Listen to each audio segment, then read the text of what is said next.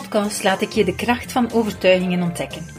Zo zal je geïnspireerd worden om ook jouw weerstanden, angsten en twijfels aan te pakken en om te zetten in actie en daadkracht.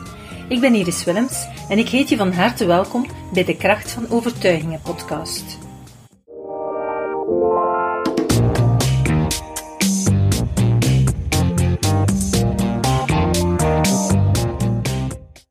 Vandaag gaan we het hebben over de uitspraak: je gaat dat toch niet doen. Misschien herken je dat wel. Je wil een andere job gaan zoeken. Je voelt je niet 100% eh, gelukkig, maar op zich heb je wel een, een toffe job en een goed betaalde job misschien. Maar, maar toch, je mist iets, je bent niet helemaal gelukkig en je overweegt om te veranderen van job. Of je zou heel graag je eigen zaak starten, je zou zelfstandig willen worden. En je vraagt aan je omgeving van, kijk, eh, ik zou dat of dat willen doen, wat denk jij daarvan? En je krijgt dan van heel veel mensen te horen van, goh, ga je dat wel doen? Zou je dat wel riskeren? Dat is toch gevaarlijk? Wat als het niet lukt? Ik zou dat niet doen in uw plaats. En dergelijke uitspraken. En zeker als die komen van mensen die heel dicht bij jou staan, zoals je vader, je moeder, je broer, je zus, je beste vriend, vriendin, um, dan, dan zijn dat wel, ja, als die de uitspraak doen van ik zou dat niet doen, of ga je dat wel doen, of het is toch wel risicovol, dan begin je nog meer te twijfelen. En ik snap wel dat je natuurlijk eigenlijk vraag, stel je die vraag vanuit een innerlijke onzekerheid. Je hebt onbewust een aantal overtuigingen die je bang maken. En die overtuigingen komen uit je opvoeding, dus van je ouders, van je naaste vrienden, collega's, uh, familieleden, broers, zussen enzovoort. Dingen die je veel in het verleden hebt gehoord. Dus die zitten al in je brein. Jij zelf hebt de zin om iets anders te doen, om iets nieuws te doen, een nieuwe job, een, een, een bedrijf oprichten. Het kan ook iets helemaal anders zijn, dat je zegt van ik ben niet gelukkig in die relatie en ik wil scheiden. En in jouw overtuigingen zit eigenlijk het feit van, ja, doe maar verder wat dat je begonnen bent, je moet geen risico's nemen. Um, ja, een aantal beperkende overtuigingen, zoals um, wat als iets misloopt, schoenmaker blijft bij je leest, hè, dergelijke zaken, wat gaan de mensen zeggen, zijn allemaal dingen die u beperken om nieuwe dingen te gaan doen. En vanuit dat innerlijk conflict dat ontstaat, want je wil eigenlijk wel iets veranderen, je zit met overtuigingen die je daarin belemmeren en je zoekt dus iemand extern die je eigenlijk de goedkeuring gaat geven om wat jij wil doen, ook te zeggen van doe dat maar. En het zou natuurlijk veel gemakkelijker zijn als je dan een vader of een moeder of een broer of een zus hebt die 100% achter jou staat en die tegen jou zegt van dat is wat dat je moet doen, 100% ga ervoor. Want op dat moment voelt het veel veiliger. Op dat moment weet je dat je op iemand kan terugvallen. En weet je ook dat je kan zeggen van, ah, we hebben een beetje gedeelde verantwoordelijkheid, want jij hebt mij ook gezegd dat het een goed idee was. En daarom willen we zo graag die goedkeuring van onze omgeving. Het is tegelijkertijd een beetje de verantwoordelijkheid delen. Maar het spijtige is dat um, je gaat het vaak vragen aan de mensen die heel dicht bij jou staan. Maar dat zijn ook juist de mensen waarvan dat je vaak al de overtuigingen hebt overgenomen, die onbewuste overtuigingen die je saboteren, die je belemmeren. En waardoor je dus in conflict komt met wat je eigenlijk zou willen doen. Dus je gaat in feite aan die mensen nog eens gaan vragen, wat zou je doen? En die gaan natuurlijk, negen kansen op tien, gaan die met dezelfde belemmerende gedachten komen als waarmee je opgevoed bent. Dus ze gaan je nog meer doen twijfelen. Je gaat opnieuw in die angst schieten en denken, goh, moet ik nu toch inderdaad het laten vallen? Uh, moet ik toch misschien kiezen voor de zekerheid en gewoon voortdoen? Ja, um, ik voel me wel niet gelukkig, maar ja, ik ben nooit zeker dat ik in een nieuwe job me gelukkiger ga voelen, of dat ik me in een nieuwe relatie gelukkiger ga voelen. Ik weet ook nooit niet als ik een bedrijf ga starten of dat, dat gaat lukken. Ik weet ook niet, um, ja, of dat ik succesvol kan zijn als zelfstandige. Dus dat zijn allemaal onzekerheden. En als je opgevoed bent met het feit van het is belangrijker één vogel in de hand dan tien in de lucht en schoenmaker blijft bij je leest, dan, dan ga je niet veel veranderingen gaan opzoeken en als je het al wil, dan kom je direct weer in angst of in twijfel. En daarom wil ik u daar ook bewust van maken. Want je gaat vaak bij die mensen te raden die jou eigenlijk niet de beste raad kunnen geven. Belangrijk is dat je je omringt met mensen die dat hebben gedaan wat dat jij zou willen doen. En dat je je afvraagt, wat hebben zij gedaan om te zorgen dat dat een succes wordt? Hoe hebben zij dat aangepakt? Hoe staan zij in het leven? Wat zijn hun gedachten? Waardoor dat ze er kunnen voor zorgen dat ze eigenlijk het gedaan hebben met succes. Dus je gaan omringen en informeren bij mensen die het al gedaan hebben en die het ook met succes gedaan hebben. Zodanig dat je kan gaan nadenken van wat hebben zij gedaan, wat hebben zij gedacht, hoe hebben ze gereageerd, hoe hebben ze gehandeld om ervoor te zorgen dat het een succes werd. Ik had vroeger een, um, een boekhoudster die kwam voor het inboeken van onze aankoopfacturen. En elke keer als ik met het bedrijf een beslissing wou nemen, en, uh, maar meestal was dat omdat had ik ze al genomen en ze kwam dan en ik vertelde haar wat mijn beslissing was. En, uh, en toen elke keer schoot hij in paniek en zei ze, hoe ga je dat wel doen? Hoe zou je dat wel, dat is toch een risico dat dat inhoudt en ben je wel zeker? En ik zou dat toch niet doen? En die bracht me elke keer weer uit mijn energie. En na een paar jaar, het heeft wel een paar jaar geduurd, want ik was gelukkig wel iemand die mijn eigen koers vaarde. Ik vroeg haar ook nooit geen toestemming. Maar ik vertelde natuurlijk wat dat er gaande was en wat ik beslist had, omdat zij de boekhouding deed. En dus uh, toen kwam haar angst elke keer. Uh, en begon ik soms wel te twijfelen dat ik een goede beslissing had genomen. En um, na een paar jaar heb ik daar dan afscheid van genomen, heb ik een andere boekhouder gezocht die inderdaad veel meer open-minded was, die ook veel meer meedacht, die ook veel meer open stond voor initiatieven en, uh, en vernieuwing en dergelijke. Waardoor ik eigenlijk niet elke keer opnieuw weer mijn energie verloor door tegen zo iemand in te gaan. Want je moet je inderdaad wel omringen door, door mensen die je kunnen ondersteunen, zoals bijvoorbeeld bij jouw boekhouding of bij wat dan ook. Um, maar je moet wel zien dat je geen mensen aantrekt of rondom jou hebt die, die juist meer energie kosten, omdat ze jou in alles doen twijfelen en angstig maken. Dus dat is een eerste belangrijk element van omring je met mensen die datgene hebben gedaan wat dat jij zou willen doen, um, en die daar succesvol in zijn. En ga luisteren, ga dat met hen bespreken en bekijk hoe zij het aangepakt hebben en waarin zij anders verschillen, vooral in hun manier van denken en doen. Want als je anders gaat denken, ga je ook andere reacties hebben, ga je ook andere resultaten krijgen en ga je dus ook um, ja, je succes of je doel gaan bereiken. Toen ik um, in 1997 besliste om, ik had twee uh, halftime jobs en daarbij had ik mijn zelfstandig bijberoep. Hè. Vanuit een vorige podcast zal je misschien al gehoord hebben dat ik um, al meteen na mijn studies gestart ben als zelfstandig in bijberoep. En na, na vier jaar voelde ik van, als ik wil groeien, als ik wil dit gaan uitbouwen naar bedrijven toe, dan moet ik eigenlijk de stap zetten en moet ik mijn ontslag geven in mijn twee vaste uh, halftijdse jobs. En dus één uh, halftijdse job was in een revalidatiecentrum met kinderen met taalspraak en leerstoornissen en de andere was in het onderwijs, gaf ik les aan een uh, tweede, derde graad uh, van het middelbaar onderwijs.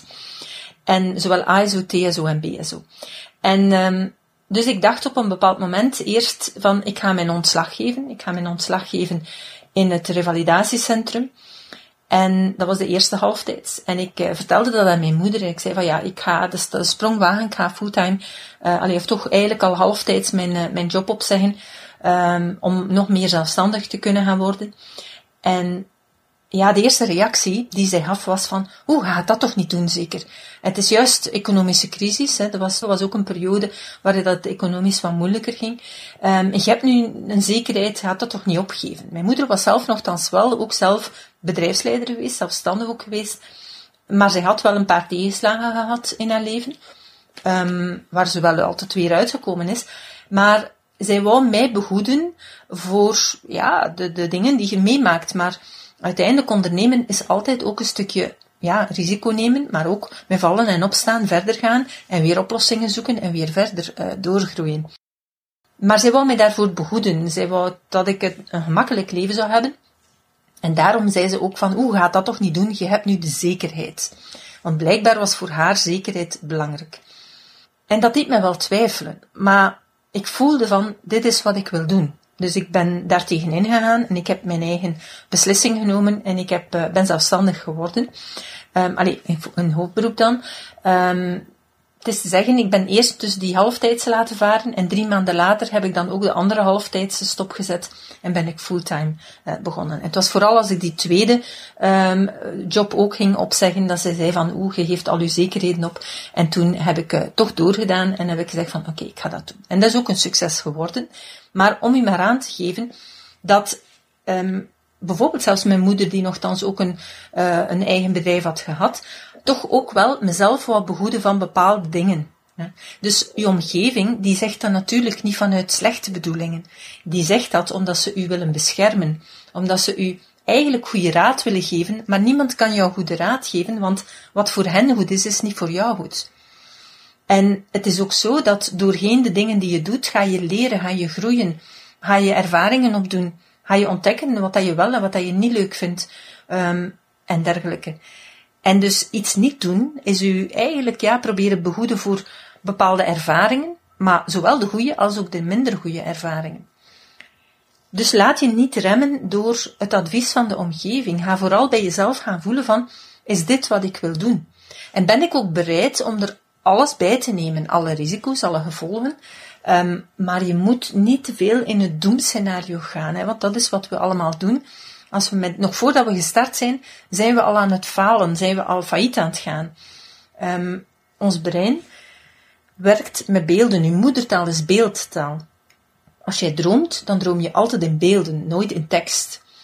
Maar als jij in een doemscenario gaat en je ziet alles al in gedachten fout gaan, je ziet al hoe je financieel aan de grond zit, hoe alles verkeerd loopt, dan ben je eigenlijk een beeld aan het maken. En je brein kan geen onderscheid maken tussen wat je denkt, wat dat je verbeeldt, en wat er werkelijk gebeurt. Dus als je iets levendig verbeeldt, zoals bijvoorbeeld een falen of een, een faillissement of een financieel zwaar probleem of wat dan ook, en je maakt dat levendig in je hoofd, alsof dat, dat eigenlijk gebeurt, um, en dat doe je, hè, zonder, zonder dat je dat beseft, doe je dat, um, dan is dat voor je brein alsof dat, dat echt is. Je brein maakt geen onderscheid tussen wat je je levendig inbeeldt en wat er werkelijk gebeurt. Met andere woorden, voor je brein creëer je een stukje ervaringen, negatieve ervaringen in dit geval. Dus je maakt de angst alleen maar groter. De twijfel maak je alleen maar groter. Stop met die negatieve verbeelding te maken. Zeg bij jezelf ook elke keer opnieuw als dat gebeurt. Stop, dit heeft geen zin. Want je creëert een toekomst die er eigenlijk nog niet is, maar dan nog een verkeerde toekomst, een negatieve toekomst. En ga je terugrichten op wat wil je eigenlijk wel? Wat wil je zelf? Je wil succesvol zijn in een nieuwe job, of in een eigen bedrijf, of in een nieuwe relatie, of wat dan ook wat je wil gaan doen. Zorg dat je je richt op wat je wil bereiken, in plaats van op wat je niet wil bereiken. Als ik tegen jou zeg van, um, kijk eens nu eens rond waar je nu zit, in, in de ruimte waar dat je bent, en zoek eens alles wat je ziet wat niet rood is, dan ga je eigenlijk onbewust alles wat rood is meteen gaat je opvallen. Terwijl ik gevraagd heb niet rood. Uw brein kan eigenlijk niet vatten wat het woord niet is. Het is een abstract begrip, het is niet om te zetten in een beeld. Maar het rood, rode is wel beeld. En dus je gaat ogenblikkelijk alles wat rood is gaan zien. Dus als jij bezig bent met faillissementen en, en angst voor te falen, dan, dan ga je ogenblikkelijk beelden oproepen en situaties in je hoofd op creëren van problemen, van financiële zorgen. En dan ga je dus eigenlijk ook dat gaan onbewust gaan creëren, gaan aantrekken, want je gaat eigenlijk op die manier je overtuiging gaan versterken. Dus stop daarmee. Ga je richten op wil ik wel. En ga je dan om, omringen door mensen die het al gedaan hebben, of die op zijn minst waarvan dat je weet dat ze je gaan stimuleren. Zodanig dat je eigenlijk vooruit geraakt, dat je met positieve uh, attitude gaat starten, met positieve gedachten gaat starten, want een positieve ingesteldheid is het begin en het noodzakelijke om succes te kunnen gaan halen. Ja. Mensen gaan ook heel vaak bezig zijn met wat gaan de anderen denken. Dat is ook zo eentje die ik heel vaak hoor. Ja, wat gaan de mensen zeggen?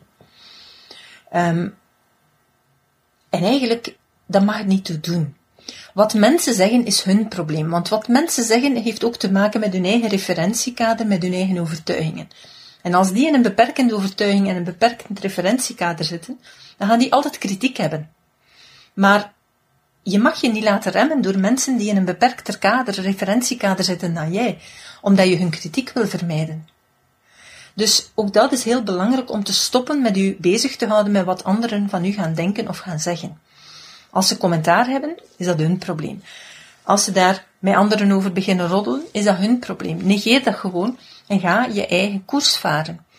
Vanzelf gaan ze stoppen als je er niet op ingaat. Maar het is vanuit hun eigen angsten, vanuit hun eigen beperkende gedachten, dat mensen kritiek hebben op anderen. Dus het zegt meer over hen als, als ze kritiek hebben op jou, dan over jou. Ja. Ik ben in 1997, toen ik dus eigenlijk besliste om zelfstandig te worden en mijn twee jobs op te geven, heb ik op datzelfde jaar ook beslist om te gaan scheiden. Ik was uh, al acht jaar samen met iemand, twee jaar getrouwd, maar ik voelde dat dat mij heel ongelukkig maakte. Um, ik had altijd gedacht van, oké, um, ik ga ervoor en ik blijf ervoor gaan en dat gaat wel beter worden. En elke keer opnieuw probeerden we het opnieuw en opnieuw, maar ik voelde van mezelf dat ik heel ongelukkig werd. En dat ik zelfs op een bepaald moment in de wagen zat en dacht van, ik steek die auto voorbij en ik hoop dat er een vrachtwagen afkomt en dat die er gedaan is. En toen dacht ik, oh, dit, dit is niet normaal. Het feit dat ik zulke gedachten heb, dat wil zeggen dat ik niet gelukkig ben. Niet met mezelf, niet met de situatie. Dus ik moet er iets aan doen. Ik moet het lot in eigen handen nemen. Ik moet mijn leven niet laten leiden door wat mensen zeggen. Want ik had al eerder wel gedacht van, ik ga, ik ga stoppen met die relatie. Maar omwille van ja, het engagement die je aangegaan bent in een huwelijk, het wil, eh, omwille van wat de mensen zouden denken en zeggen, hè, omwille van het feit dat je dat als een stukje falen aanvoelt van, ja, je bent er niet geslaagd om dat, dat tot een goed einde te brengen. Maar ook omwille van wat mijn ouders daar rond zeiden, want ik, ik, ik had al een paar keer gezegd van, ik ga, ik ga beslissen om, om te scheiden. En mijn vader zei van, gij is zot, ze moesten nu in, in een gesticht steken. Um, zo'n goede man. En dat was ook wel waar. Mijn man was geen slechte man. Maar er zijn heel veel mensen die geen slechte mensen zijn. Maar het is niet omdat iemand niet een slechte persoon is, dat je daarom bij elkaar past en dat je elkaar daarom gelukkig maakt. En het feit dat die heel erg geleek op mijn vader qua persoonlijkheid, was natuurlijk iets wat mijn vader triggerde, want mijn vader herkende zich in mijn man. En hij dacht van, ja, als ze niet bewust natuurlijk, maar onbewust ben ik zeker van, dat dat voor hem ook een, een afwijzing betekende. Als ik van hem wegging, dan, dan betekent dat ook dat iemand die op hem gelijkt, dat ik die afkeur. Maar hij uitte dat natuurlijk niet zo. En hij zei van, ja, gaan de mensen zeggen, ze gaan hier zeggen dat, dat je zot bent en, en, enzovoort. En toen heb ik tegen mijn vader gezegd van, vader, wat dat de mensen zeggen, dat, dat, dat, interesseert me niet. Ik ben ongelukkig en daar wil ik iets aan doen. En als jij je daar niet bij kunt neerleggen, als jij dat niet kan aanvaarden, dan is dat jouw probleem. Maar ik ga mijn leven niet laten vergallen door het feit dat wij elkaar ongelukkig maken en dat ik zelf heel erg de dieperik in ga. Dit laat ik niet toe. En dus ik heb beslist en ik ben uh, dan uiteindelijk gescheiden en na een tijdje ben ik dan mijn huidige man Geert uh, tegengekomen. En ik bloeide weer open. En na een paar maanden zei mijn vader dan van, um, ik zie dat je terug weer leeft. Ik heb beseft dat dat verkeerd was. Ik, ik vond het belangrijk wat dat de mensen zeiden, maar eigenlijk is dat niet van belang. Belangrijker is dat je gelukkig bent.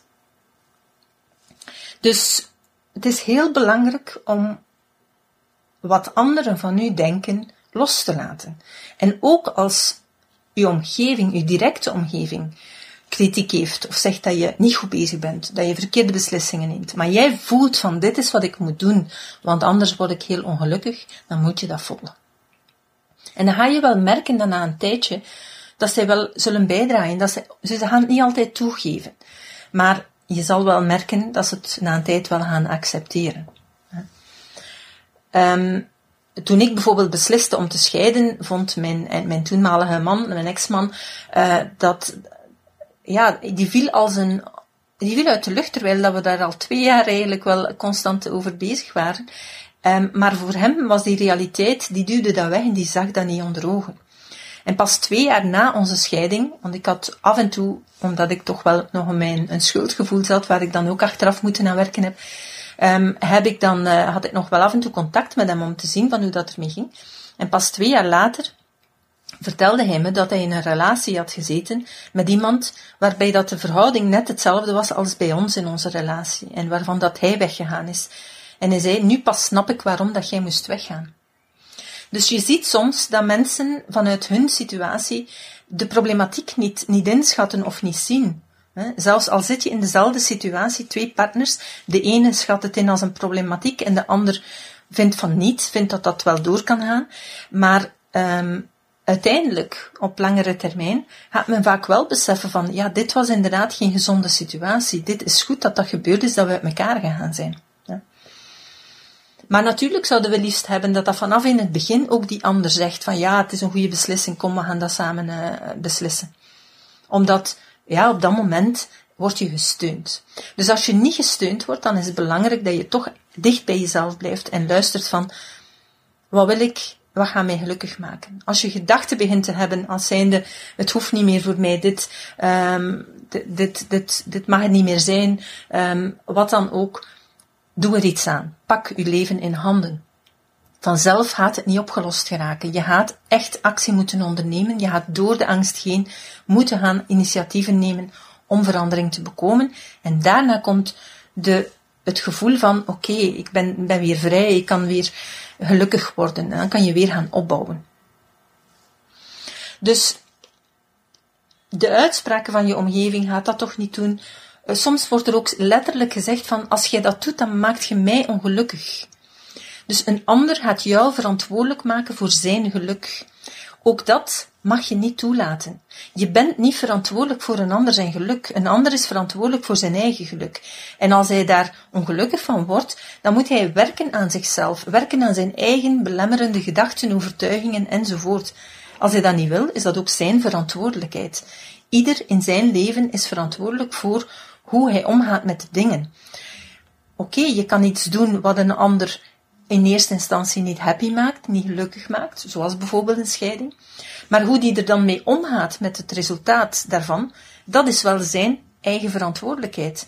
Werkt hij aan zichzelf? Gaat hij zorgen voor een ander zelfbeeld? Gaat hij zorgen om dat te verwerken, zich te laten begeleiden, ander wereldbeeld te gaan krijgen, andere dingen te gaan bekijken in het leven? Dan gaat hij daar sterker uitkomen. Als hij de slachtofferrol gaat aannemen van ik ben het dupje en ik ben degene die eigenlijk het slachtoffer is en ik heb geen keuze gehad, dan gaat die eigenlijk helemaal verder naar beneden afgeleiden. En die keuze, die heeft elk individu. Dus als jij zelf in de situatie nu zit waarvan je het slachtoffer voelt van een keuze van iemand anders, is het belangrijk om je verantwoordelijkheid in je eigen handen te nemen. En bij jezelf te gaan navragen van, wat kan ik doen om mijn leven terug in eigen handen te nemen? Om terug weer te zoeken naar het geluk. Wat kan ik doen? Want zolang als dat ik het, de oorzaak bij een ander laat liggen en de oorzaak en de verantwoordelijkheid bij een ander leg, heb ik niets in de pap te brokken en dan kan ik alleen maar ongelukkig zijn en blijven. Dus ik hoop u daarmee aan te moedigen om echt het hef in eigen handen te nemen en bij jezelf te gaan stilstaan waarom je ongelukkig bent. Waarom je in bepaalde situaties blijft zitten die je ongelukkig maken, soms diep ongelukkig maken en soms zelfs helemaal ziek maken.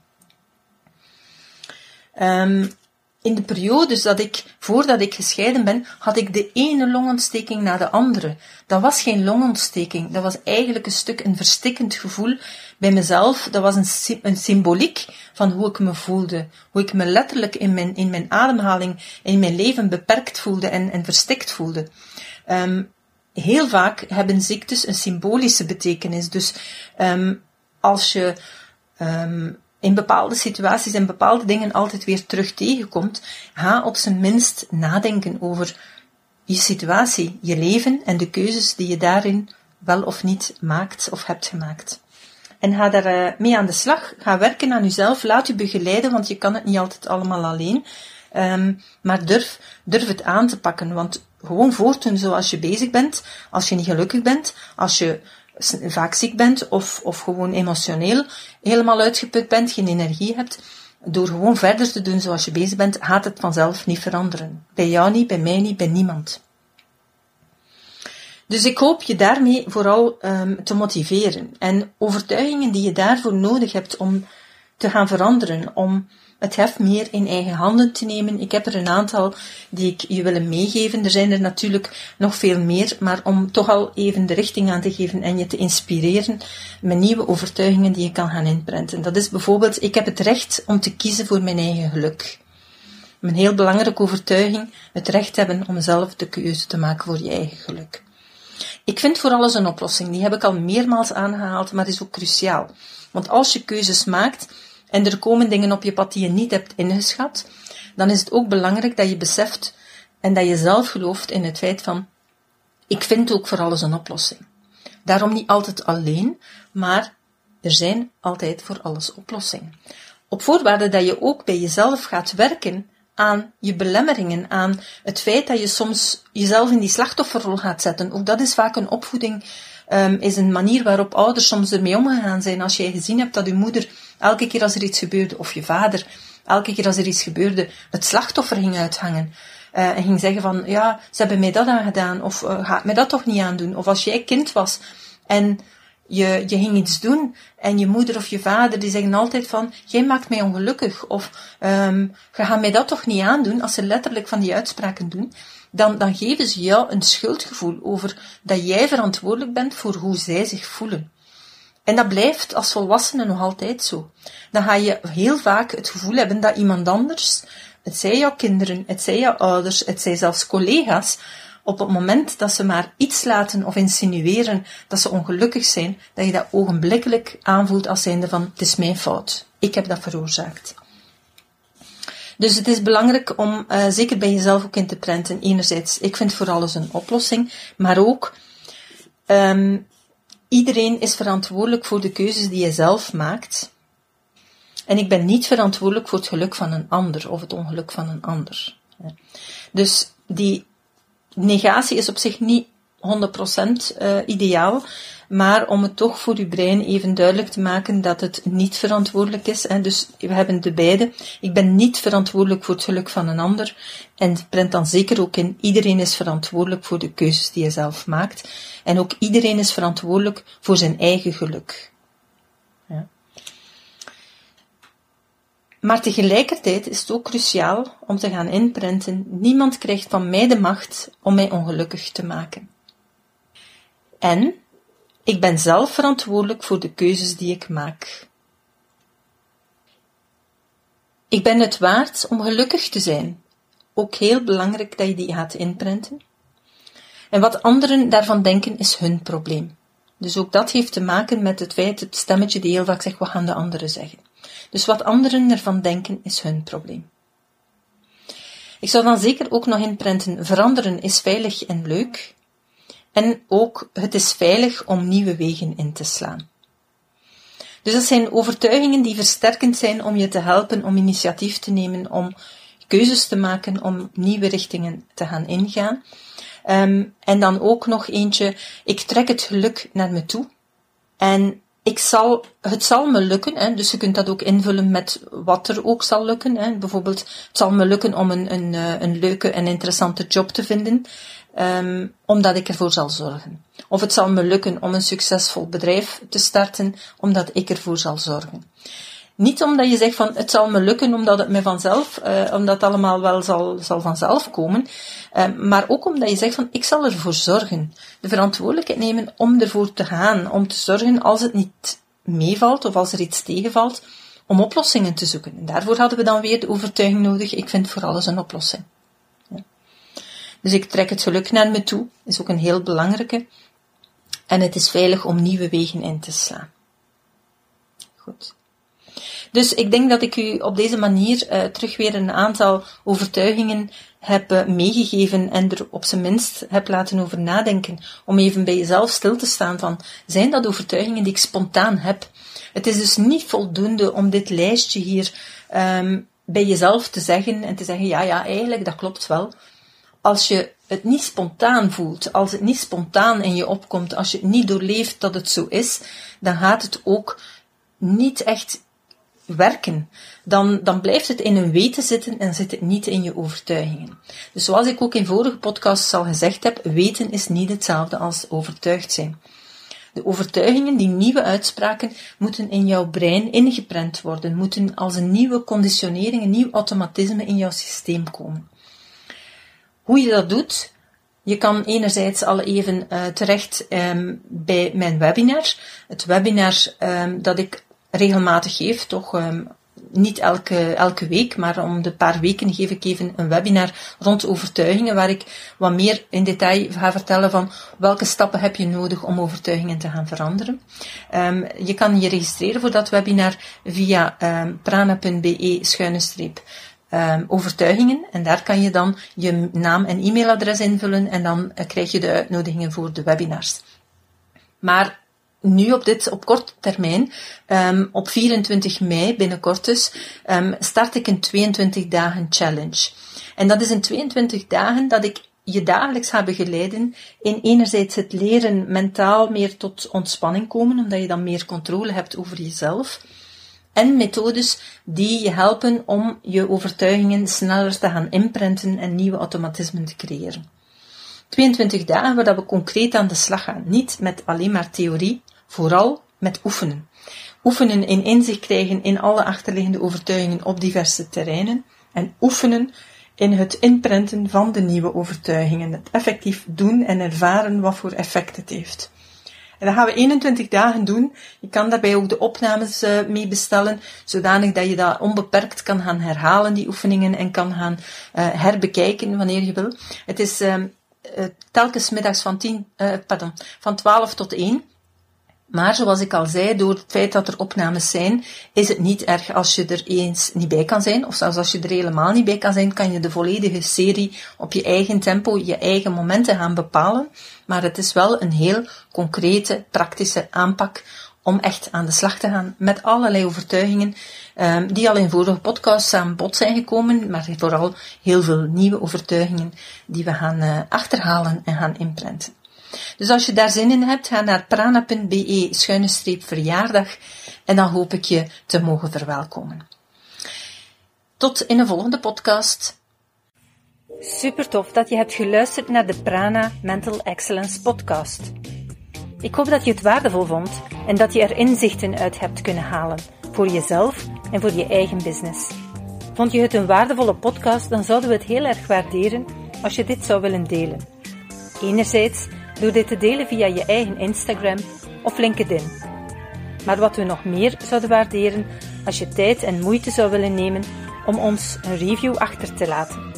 Werk je met een Apple-telefoon, dan kan je dat doen binnen je eigen podcast-app door daar een review te geven. Geef ons een x aantal sterren met daarbij een korte motivatie wat je van onze podcast vindt. En werk je met een Android-telefoon, dan zie je dat de meeste apps geen review-mogelijkheid hebben. Wat we dan heel erg zouden waarderen, is als je op Google Prana Mental Excellence zou willen intypen en vervolgens via de Google Review sectie iets zou willen vertellen over Prana, wat je van ons vindt en wat je aan onze podcast hebt gehad. Alvast heel erg bedankt. Ik hoop dat je er volgende week weer bij bent bij onze volgende aflevering van de Kracht van Overtuigingen podcast.